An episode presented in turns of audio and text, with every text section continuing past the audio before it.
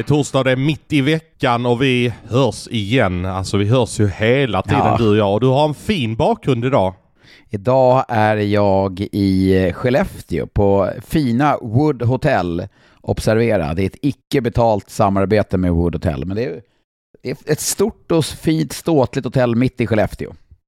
Det känns som du har sagt det ett par gånger nu. Det här är inte ett betalt samarbete. Det är precis som att du försöker röja undan sanningen att det vet. är ett betalt samarbete. Att du har fått det finaste rummet. Men kolla, och... kolla här, kolla vad jag fick när jag checkade in i receptionen. Två påsar chips. Ja, men det, får, det får jag varje gång. Får du det? Ja, då, då kan man ju tycka att det är ett betalt samarbete när man får två påsar chips. Ja, men du, du är säker på att du inte får betala när du åker sen då? Nej, jag kastar in nyckeln i receptionen och drar. Ja, det är bra. Det är bra. Belasta dem kortet i efterhand. Det är min uppmaning. Belasta hans kort i efterhand för chipsen.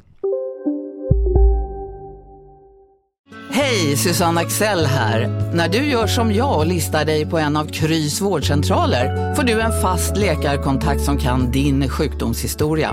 Du får träffa erfarna specialister, tillgång till lättakuten och så kan du chatta med vårdpersonalen. Så gör ditt viktigaste val idag, lista dig hos Kry.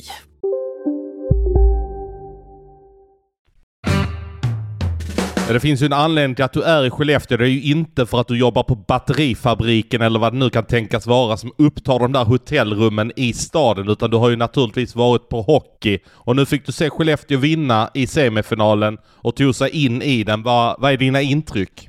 eh, att Örebro är ett jäkligt bra hockeylag. Eh, de första 14 minuterna av matchen tycker jag Örebro, Alltså, så satan så tunga och bra de är. Fyra kedjor som bara går.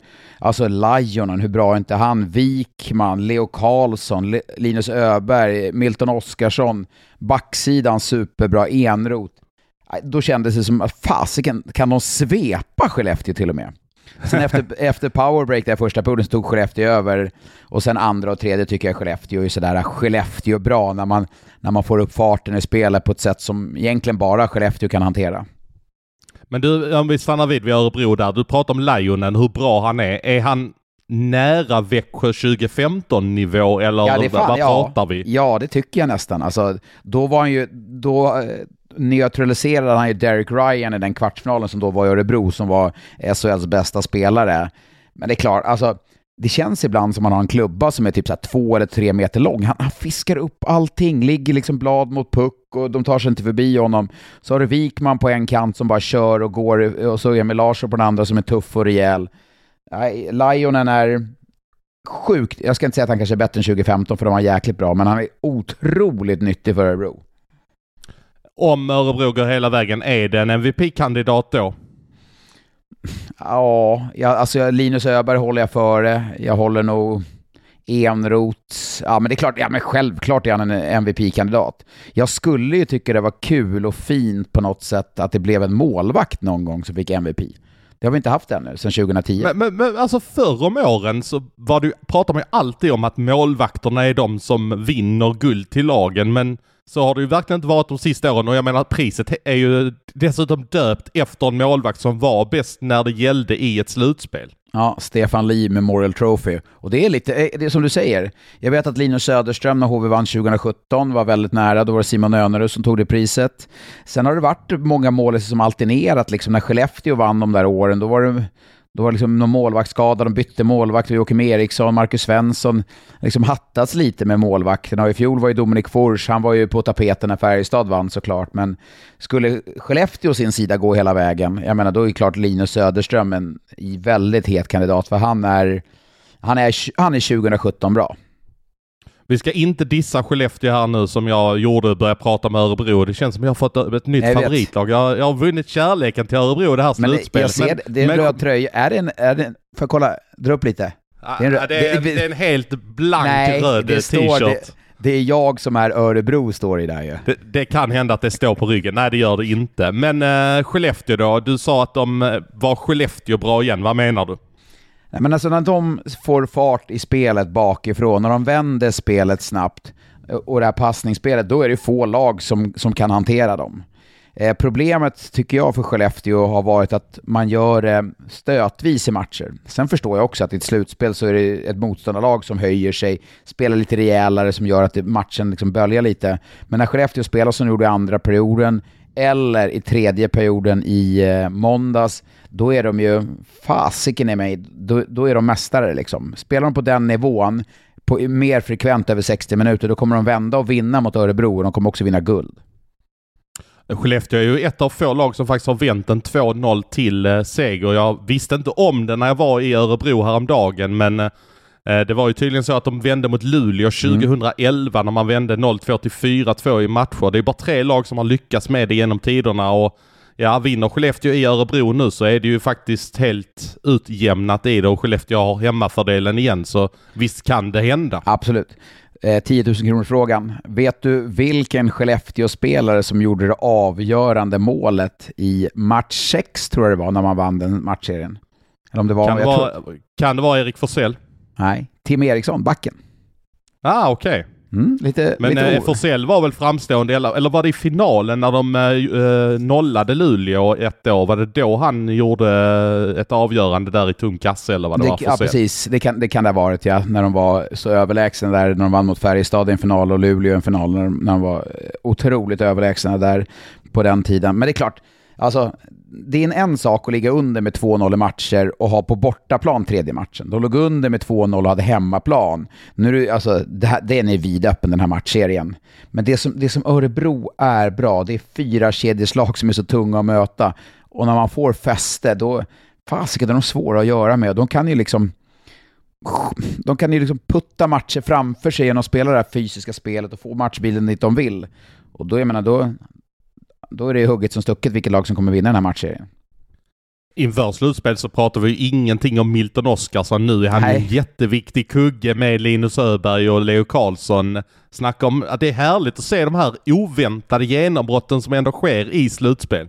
Ja, det är det som är härligt, för att, exakt som du säger, men han var med i JVM och hade väl ingen jätteroll där. Jag vet att Örebro, Niklas Eriksson har pratat jättegott om honom, men och så kommer slutspelet och så sätter man ihop den kedjan i match sju mot Timrå i kvarten och därifrån har det bara tagit fart. Och då får du helt plötsligt en kedja till som kan leverera för att om sanningen ska fram så är det ju inte Abols, Lane och Bromé som är de som levererar utan det är egentligen tre andra kedjor som visar vägen på ett tydligare sätt.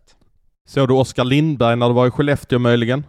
Nej, Jimmy Eriksson såg jag på läktaren, Bert Robertsson på läktaren, men eh, ingen eh, vad jag vet i alla fall. De brukar filmas in, de är duktiga på det, eh, alla producenter och de som filmar, och få in de här spelarna, men han såg jag inte på läktaren. Vad tänkte du? Och, och, i Skellefteå av en anledning brukar de också vara duktiga på det. Och barnen längst ner på ståplats i Skellefteå. Ja, exakt. Ja, det, men det är nog fint med det. Det är nog fint. De har bra generationsväxling eh, där framöver när, när de här barnen får ta... Kanske är så att man får ta år efter år får man ta steg upp. Till slut hamnar man med Jonas Fahlman mitt i klacken. Precis, jag tänkte på det. Jag undrar om eh, det är de barnen som stod längst ner där vid sargen eh, på gulden 2013 och 2014 om det är de som liksom står i kärnan av klacken nu. Kanske är det vet du. Ja, nej men det är bra. Det håller, ska jag säga, klacken håller ett bra klass i eh, Skellefteå. Väldigt bra klass. Men sittplatspubliken har de svårt att få med sig. Är, man har kanske blivit bortskämd på vissa arenor där det, där det är en aktiv sittplats. Eh, det är det verkligen inte en aktiv sittplats i Skellefteå, det kan jag säga. Men du Oskar Lindberg, anledningen till att jag ja, frågar, det, han har ju av, han har ju avtal eh, ett år till i Bern, men vad jag hör så eh, finns det ganska goda möjligheter att eh, han kommer tillbaka till Skellefteå nästa säsong för att det verkar vara lite vantrivsel där nere i, i Bern för honom och familjen då. Att det är lite det som trycker på det sociala som gör att han vill flytta därifrån. Och tänk om han kommer ja, hem, alltså då får ju, får ju Skellefteå, vad ska man säga, vad, vad heter det? Uh, inte problem ska jag inte säga på deras centersida, men de får ju de får lite gissel där, som det heter på skånska. Samtidigt så blir det ju kanske en, eh, när Wingel är center så blir det en ren ersättare till Wingel. Liksom en, eh, så det är klart att få in, få in den spelaren, Per Lindholm och Oskar Lindberg. Och det jag gillar med Oskar Lindberg det är ju det här spelet att han har ju en tuffhet i sig också, eh, som jag kan uppskatta och som tror jag Skellefteå skulle må bra av också. Men eh, Jonathan Jonsson, är han då nere som trea? Ja, det blir ju det också. Ja, nej. Nu var Jonathan Jonsson, han eh, var inte med i matchen idag och det var ju, jag tänkte på det inför matchen. Sen liksom, under matchens gång så var det ingenting jag reflekterade över. Då klev ju Linus Lindström in och gjorde det, gjorde det bra i hans roll. Men det är klart, ja, ska du ha han som trea? Samtidigt, du vet, tre Men kedjor... Lindberg kan ju spela på kanten också, eller hur? Ja, om du ska ha en så du vet en tredje center, det har ju egentligen ingen betydelse, så har du fortfarande liksom en betydande roll i powerplay. Jag menar, du kan ju ha ett Skellefteå-lag som har, som har tre kedjor egentligen. Du kan ju indirekt säga att Wingeli, Kynackel och Lindholm är, Max Lindholm är en tredje kedja. Men det tänker jag inte på dem som en tredje kedja. Men just Kynhackel tänkte jag på att det, det bör ju bli lite problem att få honom att bli kvar i laget. Det fanns ju lite rykten om att han eh, skulle återvända till Tyskland och familjen tryckte på lite grann nu när han hade avtal. Men nu blev han ju kvar, tack och lov för Skellefteås del. Eh, men det blir ju svårt att få in honom. Du ska få in Anton Heiken i laget, Riley Woods och Modo inte går upp och sen så vet jag att det finns lite spekulationer om Pierre-Edvard Belmar också. Som Oj. ändå är Alltså det, du kan ju inte säga nej om han kommer och trycker på. Det är en ordinarie NHL-spelare vi ändå pratar om som ändå har hus i Skellefteå. Ja, Tampa Bay till vardags, spelar väl en så här 10-12 minuter per match, gör det bra. Extremt uppskattad person. Extremt uppskattad kille. Så att han skulle vara bra att få in i en grupp också. Och då är klart, då, då får du ju det här fina som man kan få när man varit duktiga på och liksom trycka ut spelare i hockeyvärlden då i NHL eller Europa, att du kan få hem dem också få en andra våg och glädje av dem. Och det kanske de kan skörda nu, Skellefteå. Ja, Skellefteå blir ju definitivt att räkna med framöver. Kul att det ändå blev lite match av det så inte Örebro gjorde 3-0 på dem. Men du, jag jobbade som sagt i Skellefteå. Då tar jag för givet, för poddlyssnarnas skull, att du satt klistrad framför Mora mot Modo. Det kan du ge dig på att jag gjorde. Eh, och Modo var inte bra, i alla fall inte första 40 minuterna. Och men de vinner ändå, tyder det på en styrka eller är Mora trötta? Har de gått in i väggen?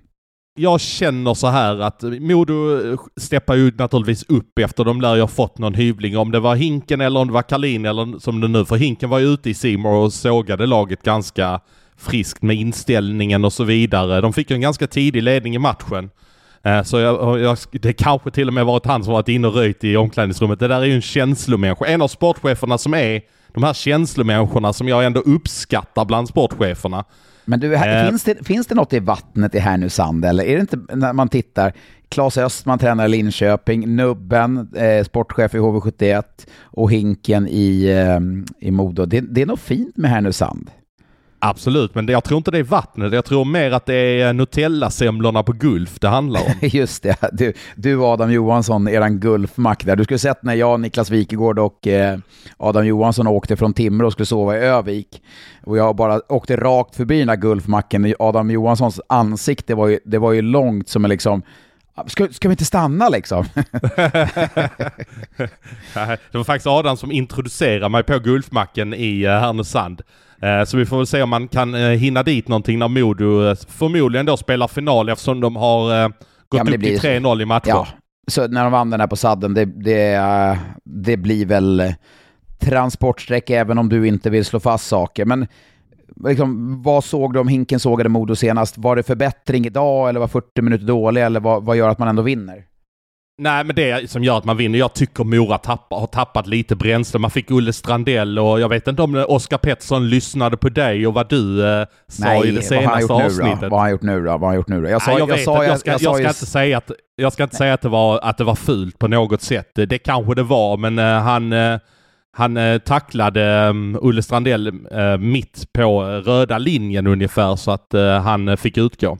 Ja, och vi ska säga att jag i förra podden sa att Oskar Pettersson är en spelare som måste spela lite mer fysiskt för att de har ju så mycket skickliga spelare. Han kan inte åka runt och vara skön utan han måste spela fysiskt. Vilket han då eh, verkade ha gjort på då Olle Strandell. Ja, och, och, Mora blir ju ganska tunna om inte Olle Strandell är med. Jag menar, då får du gå in och spela med Isak Hens i powerplay. Inget fel på Isak Hens på något sätt, men de har ju kanske inte det materialet att de har råd att tappa sin toppback på det sättet. Men du, de, de tappar ju mycket spelare till nästa säsong. Det kanske kan spela in, många vill göra gällande, ja men de är redan mentalt någon annanstans. Jag tror inte det och det var ju som Martin Filander när vi hade honom som gäst för några veckor sedan, att man, man spelar för det laget, man gör allting för att det laget ska vinna, för det är en unik upplaga av, liksom, som man har byggt upp en relation till. Men den här unge norrmannen där, Ja, du menar 49 där, Noah Sten, som gjorde sitt tredje ja. mål i slutspelet. Han eh, kan det nog bli en frisk fläkt i Moralaget nästa säsong. Men med tanke på att de tappar spelare då, då det kan ju vara en spelare som tar, får en rätt stor roll direkt nästa år.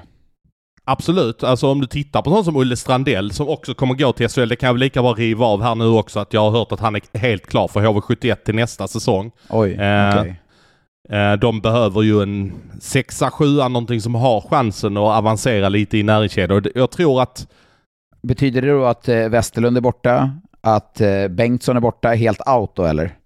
det utgår jag från att de eh, kommer, alltså Rasmus Bengtsson kommer ju spela i Oskarshamn. Det handlar ju bara om att komma överens om det. Och Filip Westerlund spelar väl slutspel med Ilves just nu tror jag, så att eh, det är, väl, eh, det är väl bara det de går och väntar på, att hitta någon lösning där som kanske blir permanent där eller om han försvinner någon annanstans.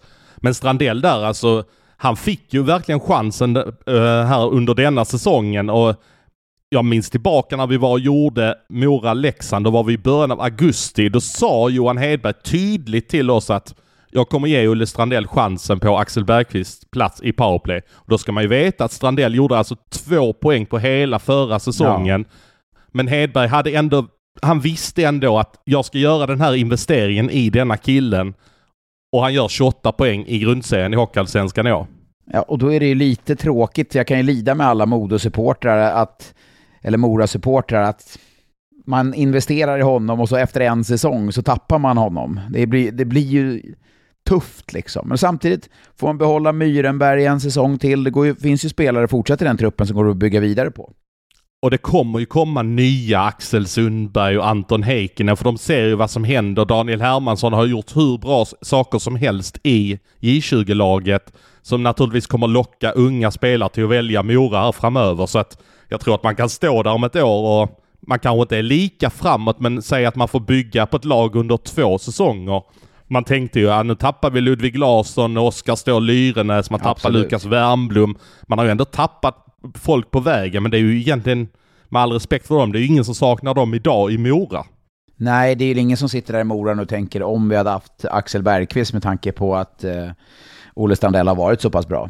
Ja men när vi ändå är inne på HV, man ska ju ha en, en första center till laget nästa säsong och jag har faktiskt ett namn som jag har hört att de går väldigt hårt efter. Det är en finsk forward som heter Henrik Borgström som har huserat borta i eh, Nordamerika ett par säsonger. Kan du någonting om honom? Ja, eh, det kan jag. Född eh, 97, för jag minns att han gick eh, sent i första rundan för Florida Panthers. För att jag hade koll då på Rasmus Asplund som var en Färjestadsjunior som jag initialt skulle hjälpa lite i form av när jag slutade eventuellt bli hockeyagent, bla bla bla bla bla. Så jag följt Rasmus då och då vet jag att det stod, Floridas val stod mellan Rasmus Asplund och den här Henrik Borgström. Eh, då valde de Borgström och Rasmus Asplund gick tidigt i andra rundan för Buffalo. Sen har jag haft lite koll på honom så, men jag skulle inte säga huruvida han hade varit en första, bra första center för HV eller inte. Nej, och frågan är om han verkligen hamnar i HB för jag fick lite indikationer på att eh, Schweiz är och drar i honom lite så då eh, kan man ju nog förmodligen inte matcha de pengarna som det ändå ser ut i eh, läget idag. Då ska jag dra ett favoritcitat från nubben, Kent Nubben Norberg. Hur lyder det då? Det är inget att hymla om. Han säger, har du tänkt på det? Han säger... Ja, det han, kan nog stämma. Ja, han säger, ja, men, ja, du vet om, om, om du skulle fråga honom, eh, Henrik Borgström, ja, eh, vi kan inte matcha pengarna i Schweiz. Det är inget att hymla om. Ingenting att hymla om. Nej, exakt. Men eh, där måste jag också bara, förresten, när vi ändå är inne på HV71. Sociala medier, varvar sociala medier med framförallt Isak Brännström där när de presenterar honom. Det, jag tycker det var så jäkla snyggt. Ja, och det är ju Johan Fred som eh, vi har hyllat eh, tidigare. Alltså vad, vad håller du på med? Du Nej. tittade upp mot taket. Det var precis som att det var en drönare i rummet eller någonting. Nej, men det var en fläkt som drog igång här, så tänkte jag på, tänk om den låter för poddlyssnarna här, så funderar jag på hur jag skulle kunna stänga av den. Eller var det Johan Fred som gjorde en inspelning på ditt rum med en drönare nu eller? Ja, du vet, ja, man vet aldrig, han är överallt den här Frej. Ja, men det var faktiskt, erkänn att det är snygga. Det är, och det är också så här, hur mycket, hur mycket man kan göra av sociala medier. Tänk Mjällby i fotboll, en liten, ursäkta om det är någon som håller på Mjällby som lyssnar på den här podden, men en skitförening som äger sociala medier. Absolut, absolut. Men du, vil, vilket lag är SHLs svar på Mjällby då? Oj, ja men det är väl Oskarshamn ändå, är det inte det? Alltså så här, Okej, så du kallar Oskarshamn för en skitförening nu? eller? Nej, klipp bort det där tänkte jag säga. Nej, nej, det gör jag inte. Men det är förhållandevis liten förening som gör väldigt mycket bra. Det var det jag menar. Men då, ehm, då får ju Oskarshamn anställa Mjällbys eh, mediakille tycker jag. Ja, ja det, det, det skulle de kunna göra. Han, han lär ju inte vara gratis kan jag säga. Det är så pengar på han. Ja, och Fröberg plockar ju inte folk, men eh, alltså Fröberg kan lätt fynda en bra mediakille. ja, ja, han kan han fynda vem han vill liksom. Har du också valt att bli egen? Då är det viktigt att skaffa en bra företagsförsäkring. Hos oss är alla småföretag stora och inga frågor för små. Swedeas företagsförsäkring är anpassad för mindre företag och täcker även sånt som din hemförsäkring inte täcker. Gå in på swedea.se företag och jämför själv.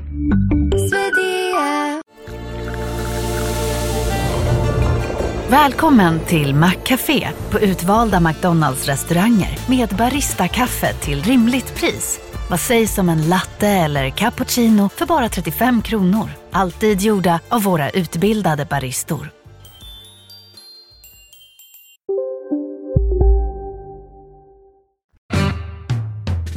Ja, du är ute och reser och far och jag skulle ju se matchen i Växjö men jag blev avlastad av kollega Johanna Dahlén så jag behövde inte åka till Växjö och, eh, men du var ju där och såg matchen när Frölunda vann med eh, det skönaste man kan göra i fotboll är att vinna med 1-0 men det måste vara rätt skönt att vinna i slutspel med 1-0 ja, också. Och speciellt på sättet som de ändå vinner den matchen, att de i tredje perioden spelar så pass tajt och kompakt och hjälper Lasse Johansson och håller dem på utsidan, gör täckerskott, man gör de här tråkiga sakerna som är så fruktansvärt skönt i ett slutspel. Eh, ja, men Frölunda, snacka om att vara ett slutspelslag och ha hittat ett spel som fungerar där. Och nu har man kommit in i den matchserien, för det är det som är skillnaden. När de, när de mötte Färjestad så fick de energi i matchen. Rakt in i matchserien, bara massa energi. Så fort de såg en Färjestadströja fick de energi. Så fort de klev ut på isen fick de energi. Av supportrar, bara inramning, allting. När de mötte Växjö så måste du bygga upp din egen energi. Och det tror jag blev en liten omställning i match ett för dem. Men nu har de helt vänt den här matchserien, så det ska bli intressant att se matchen ikväll. Jag såg att det var någon lyssnare som hade taggat in oss eh, på Twitter som skrev att Växjöspelarna ser helt likgiltiga ut. Finns det ingen gnista i dem eller? Nej, det tycker jag. Det där är... Det blir lätt att säga, men de har ju spelat det här spelet i 52 omgångar och vi har ju inte gnällt på dem speciellt mycket under 52 omgångar. De spelar Nej, vi har inte liksom... pratat om dem alls under 52 omgångar skulle jag säga. Ja, ja, kanske lite för lite med tanke på hur bra de ändå har varit, absolut. Men det, det, det som är, det är att många höjer sig i slutspelet, alltså lag och spelare, det, det tuffar till sig lite, det, det tillåts lite mer i den här kampen framför mål. Och det som är, man har inte riktigt fått igång farten i spelet som jag kanske tycker bakifrån på samma sätt. Och det har att göra med att Frölunda i det här fallet har varit bra. Men att säga att de är likgiltiga, nej, de spelar sitt Växjöhockey. De är inte mer likgiltiga än de var under 52 grundseriematcher och då gnällde vi inte på dem.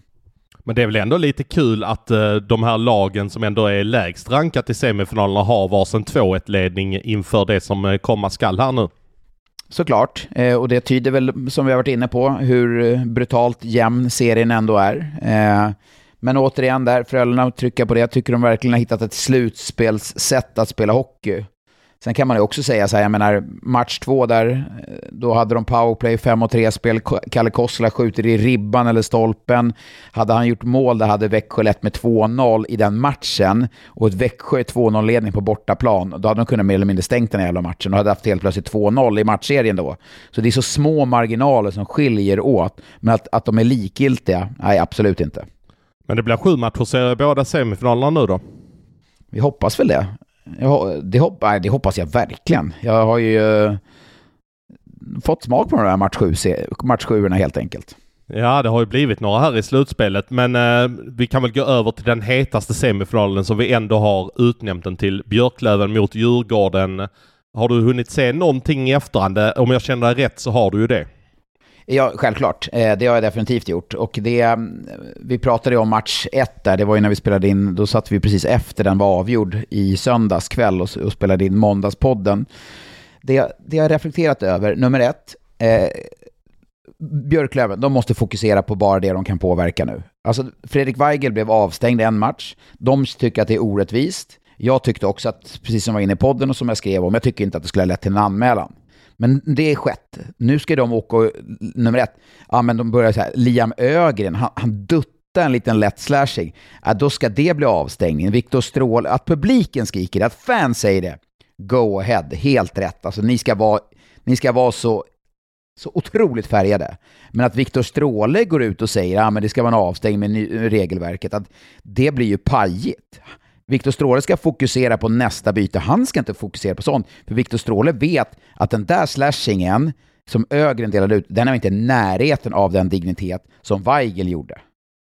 Men jag måste ändå hylla supportrarna lite grann för de är några jäkla fina på att gräva fram grejer. De har ju grävt fram, eh, plockat fram allt möjligt folk i disciplinnämnden som sitter med Djurgårdströjor på olika foton. Jaha, okay. och, ja, och de har plockat fram statistik på att det minsann bara är Björklöven som blir dömda i slutspel de senaste sju gångerna och allt vad det är liksom. Så att eh, de gör ju sitt för att sätta press utifrån supportrarna. Ja, och det, det är väl deras, deras jobb, men när jag ser matchen, match två, så börjar ju Björklöven jättebra. Alltså de börjar superbra i den matchen. Det som, det som är, som jag upplever lite, eh, det, det är lite gnälligt i Björklöven. Djurgården är slutspelsredo, slutspelsfokuserade. Ja, Pooley, Schilke har liksom osynliga. Det, jag upplever att det är mycket gnäll liksom hela tiden. Det är, liksom, det är slutspel nu. Fokus bara, hela tiden. Och det ska jag säga, det var någonting jag lärde mig när jag kom till Färjestad. Och det finns en anledning att Färjestad då historiskt sett hade vunnit mycket. Det var ett jäkla fokus på bara det man kunde påverka. När jag var i Timrå så tyckte man men domaren där, alla är emot oss hit och dit och dit. Och det kanske tog lite av fokus från själva matchspelet. Och där verkligen skulle jag önska att Björklöven infann sig än mer, för Björklöven är ett väldigt bra lag. Men så här brukar det låta i varje slutspel. Men jag har liksom aldrig tänkt tanken att lag väl står där som vinnare. Är det nästan alltid det laget som har lagt minst energi på skitsaker som ändå står där till ja. slut. Jag tror det. Jag tror det. Sen finns det en hårfin gräns mellan den likgiltighet som en poddlyssnare uppmärksammade oss på som han tyckte kring Växjö eh, och kanske för mycket engagemang eller för mycket fokus på andra saker som Björklöven. Det är ett väldigt liksom mm, hårfin linje. Men jag tycker när Stråle går ut där och, och liksom säger att Lia Ögren ska bli avstängd för någon liksom, som slashing som inte ens är en det, det är ju ingenting liksom. Med det sagt så, så, säger jag igen, jag tycker inte att det ska vara en avstängning på Weigel. Han kanske bara vill bli av med Liam Ögren eftersom han är förbannat jäkla bra just nu. De här 04 i Djurgården, de har ju de har vi pratat mycket om. Och det är liksom, I fjol var ju Läckermäki, han var ju bäst liksom, av de här 04 eh, Noah Östlund var ju bäst i grundserien och nu är Liam Ögren bäst i slutspelet. Och det är ganska fascinerande då. Djurgården, de är i J18 och J20-slutspel som den enda föreningen i, i svensk hockey. Som avgörs nu i Nyköping i helgen. Som för övrigt Expressen sänder, är det inte så? Korrekt. Mm. Så att de, de gör ju något bra uppenbarligen, även om det lämnar mycket Stockholmskillar lämnar för att spela hockey över hela landet. Absolut, och, och någonting som jag gillar också är att nu har Djurgården börjat värva på en annan hylla får man ju säga. Titt, alltså den här Edvin Hammarlund som spelar i Tyresö Hanviken i höstas. Han är ju en helt ordinarie back och är ju, alltså han är en topp fyra back i Djurgårdens backbesättning just nu. Ja, och det här är det som jag tycker att Djurgården har gjort bra och därför de har spelat bättre. Man spelar mycket enklare från bakplan. Man flyttar bara pucken framåt och man ger den till forward så tidigt som möjligt. Det gör att man inte hamnar i lika mycket problem i, i egen zon som man gjorde tidigare. Så allt handlar, för att backsidan tycker jag fortfarande Djurgården, den är, jag tycker den är ganska förhållandevis svag ändå måste jag säga. Men man, man kompenserar, man sminkar grisen genom att göra det enkelt för alla backar och flytta spelet framåt. Vad är det du gillar med Edvin Hammarlund som gammal back då? Nej, men han har ju storleken och så. Sen är det också så här, ja, han har gjort en jättefin resa, tagit sig in bra i, i Djurgården i en, en backuppsättning, men nu vet inte jag hur kontraktet är utformat, men går Djurgården upp i SHL så vet jag inte liksom hur ska man bygga den backsidan med Hammarlund? Då måste man ju upp kanske... Nej, precis. Det är lite det jag skulle vilja komma till. För jag tänkte så här när man förlängde med Edvin Hammarlund. Alltså de har ju redan väldigt mycket backar och har man då, man har ju en ambition att ta sig upp i SHL. Såklart. Och, och det, jag skulle säga att det är kanske inte Edvin Hammarlund som är problemet för du hade kunnat ha honom som en 7-8 i SHL. Problemet är väl närmast att man har Daniel Glad och Alexander Falk och Arnesson och Ludvig Hedström och lite sådana på avtal så går de upp så måste de göra en ganska rejäl Absolut. rensning på backsidan. Ja, så, så, är det, så kommer det definitivt att bli. Och det är ju, blir ju, det såg det på HV71, även om det var etablerade spelare man hade med sig upp så var det fortfarande etablerade spelare som uppenbarligen inte höll på SHL-nivå. Man var tvungen att värva så mycket spelare. Så att det är väl kanske ett senare problem. Nu får man väl glädja sig från Djurgårdens del att Hammarlund gör det bra. Han jobbar ju för övrigt eh, fortfarande, en av få spelare. Det måste man ju älska. Det är som på den gamla Bufors-tiden när eh, eh, vad heter han, Fredrik Högren när han jobbar halvtid i en Intersportbutik i Karlskoga ja. parallellt med att han spelar. Ja, det är nog fint faktiskt. Det är nog väl, det, det är väldigt fint. Men vad tror du om den eh, matchen? Nu har Djurgården brutit tillbaka den, eh, eller brutit till sig en hemmaplansfördel med två matcher på på Hovet här på, under torsdagen och lördagen. Jag, jag, jag hävdar ju fortfarande att den här serien är vidöppen. Alltså det finns ju ingenting som bara för att Djurgården vann där som talar mer för Djurgården nu egentligen än in, innan serien.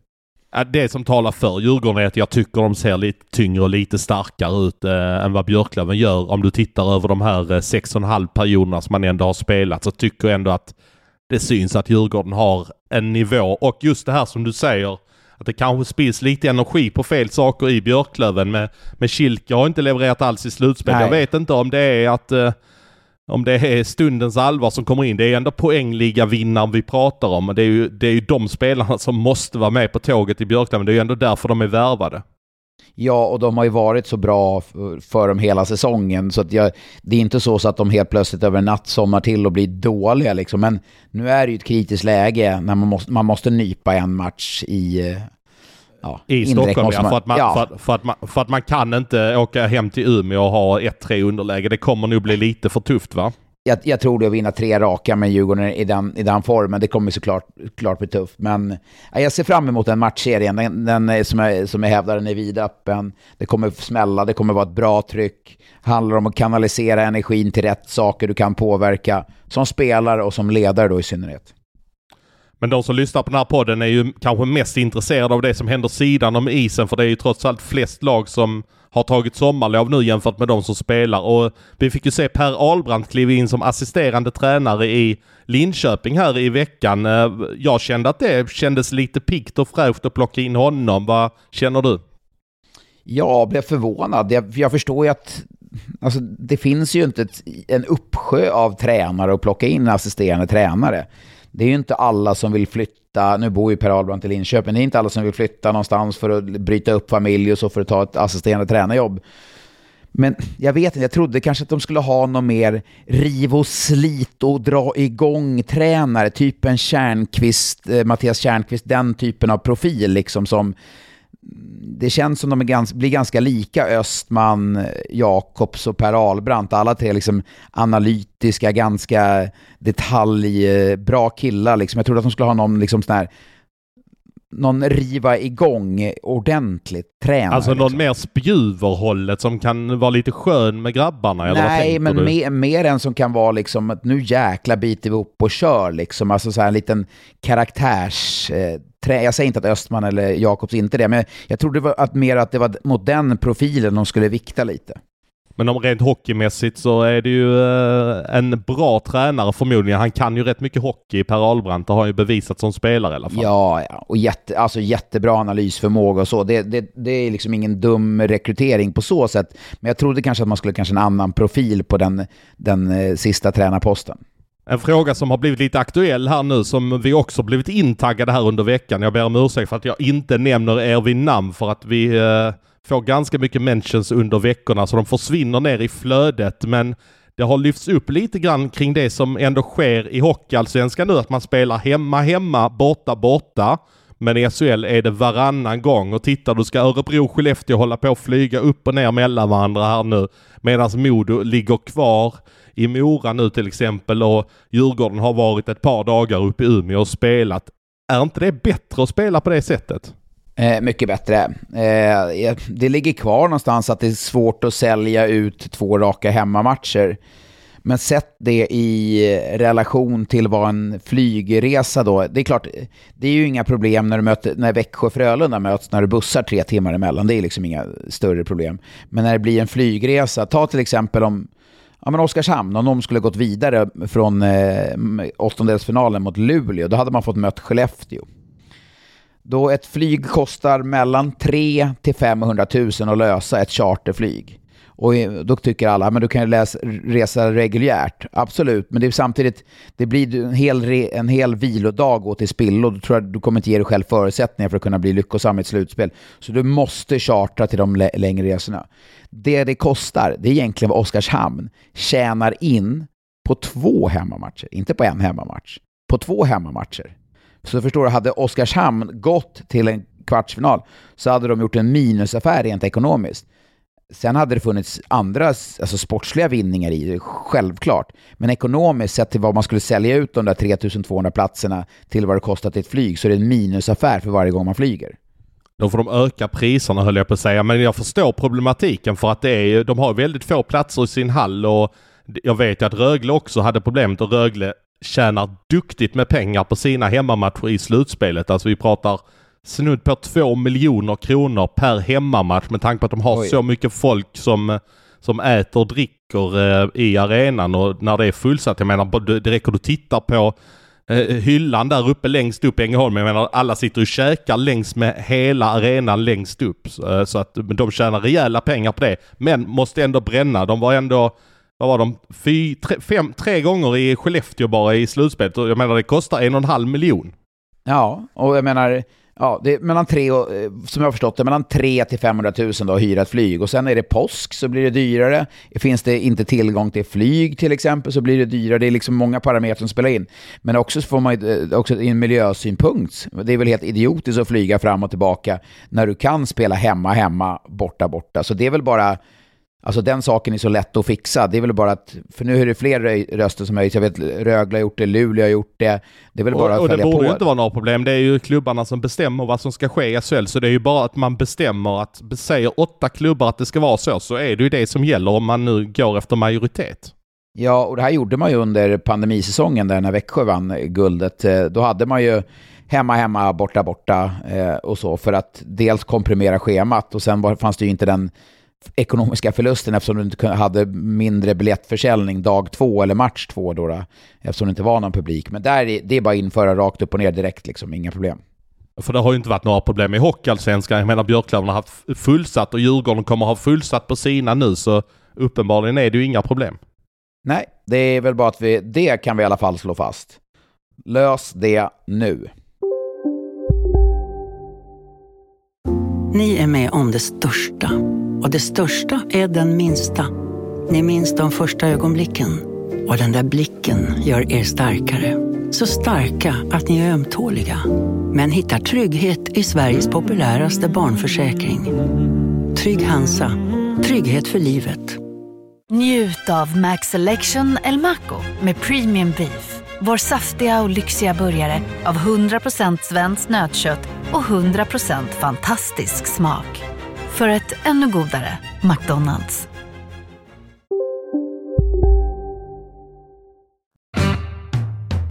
Innan vi avslutar så eh, skulle jag också vilja lyfta fram en lyssnarfråga. Jag har fått påtryckningar två gånger från honom så han är väldigt ihärdig på den här frågan. Och det kommer från en kille som heter Simon Ekström. Eh, är det någon du känner eller?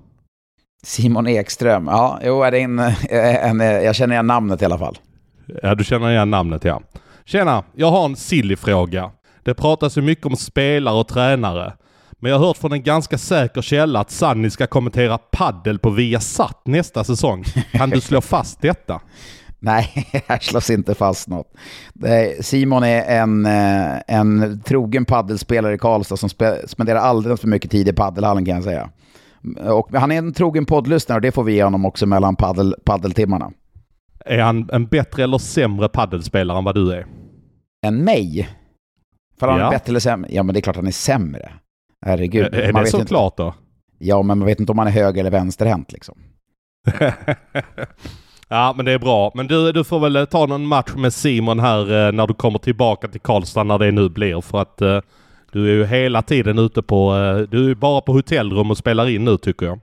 Ja, nu är jag faktiskt ledig en eh, torsdag här och lite, lite mer luftigt schema, men det är, det är väldigt roligt när slutspelspulsen, liksom pulsen, när den är så pass hög och få vara ute hos klubbarna, förväntningar som finns, fansen, allt det, det är ju, det är ju sjukt roligt och härliga tider vi har nu.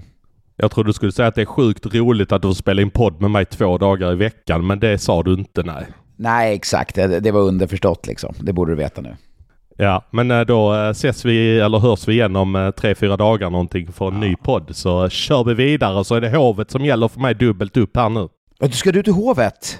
Det kan du ge dig på. Du, blev, men det- du lät avundsjuk där alltså. Ja, ja faktiskt. Alltså det, ja, det hade varit väldigt kul att vara där. Det, det blir en härlig serie. Men det är perfekt. Då har vi ju bra täckning här för, för våra poddlyssnare. Då kan du ge oss det allra senaste, så kan jag ge det senaste från både Örebro och Växjö, där, där jag ska spendera några dagar här framöver. Ja, vi ses eh, alla andra så hörs vi på måndag. Ha det bra, hej! Hej då!